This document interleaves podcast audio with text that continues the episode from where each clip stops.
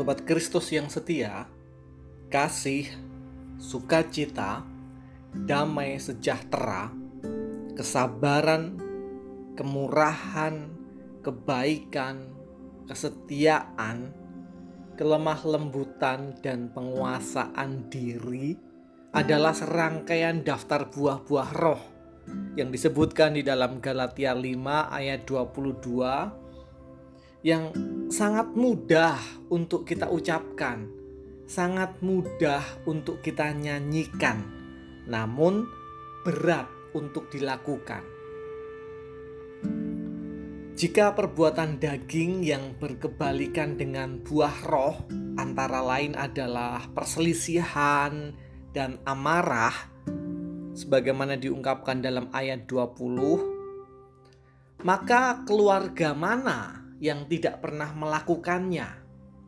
Keluarga mana yang tidak pernah berselisih paham, yang tidak pernah terjebak dalam pertengkaran, dalam amarah? Bukankah iri hati mementingkan diri sendiri, tidak pernah merasa puas, kerap memikirkan dan melakukan hal-hal yang cemar adalah serangkaian hal-hal buruk yang acap kali keluarga kita lakukan. Kita tidak pernah bebas dari hal-hal buruk semacam itu. Lantas, bagaimana supaya dapat menjadi keluarga yang transformatif atau berdampak positif, berdampak baik, dan menghadirkan perubahan bagi kehidupan? Nah, rahib Martin Luther pada abad ke-16 pernah mengalami pergumulan semacam ini. Jadi, ketika ia semakin berupaya menjadi sosok yang benar, sosok yang kudus dan berdampak, semakin ia merasakan bahwa dirinya penuh kesalahan, dan kemudian ia pun menjadi tertekan Semakin ia berupaya bersinar dengan melakukan puasa dan memperlakukan disiplin rohani secara ketat, ia justru semakin depresi karena merasa semakin dihakimi oleh hati nuraninya sendiri. Dia merasa selalu gagal untuk menjadi sosok yang baik, sosok yang benar, kudus, dan bersinar sebagaimana kehendak Tuhan. Hingga pada suatu ketika dia menemukan ayat di dalam Roma pasal 1 ayat 16 sampai 17. Roma pasal 1 ayat 16 sampai 17 yang menegaskan bahwa pembenaran hanya terjadi melalui iman. Jadi kita dibenarkan semata-mata melalui iman dan anugerah Allah. Sola fide dan sola gracia melalui iman dan anugerah. Artinya, kita dapat bersinar dan dapat menjadi sosok yang benar di hadapan Allah sama sekali bukan disebabkan oleh daya kemampuan kita bukan karena kebaikan, bukan karena kekuatan dan keunggulan moralitas kita, melainkan semata-mata oleh anugerah Tuhan Allah.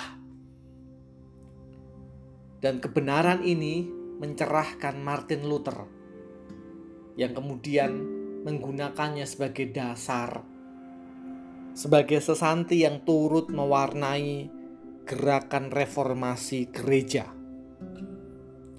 Maka dengan demikian, jika kembali dikaitkan dengan tema kita menjadi keluarga yang transformatif, minimal ada dua hal yang dapat kita lakukan.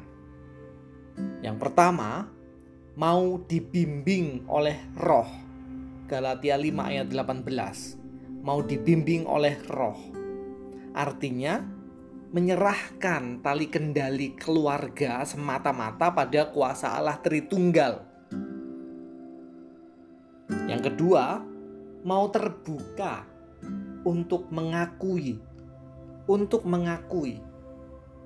Bukan menekan, bukan pula menyangkal, tapi mengakui semua kegelisahan, semua hasrat, nafsu-nafsu yang menyesatkan, perasaan kesendirian, keterasingan, perasaan tak pernah puas, dan beragam hal buruk lain yang ada di dalam diri keluarga, lalu melepaskannya dalam cinta Tuhan yang selalu menerima keberadaan kita tanpa syarat.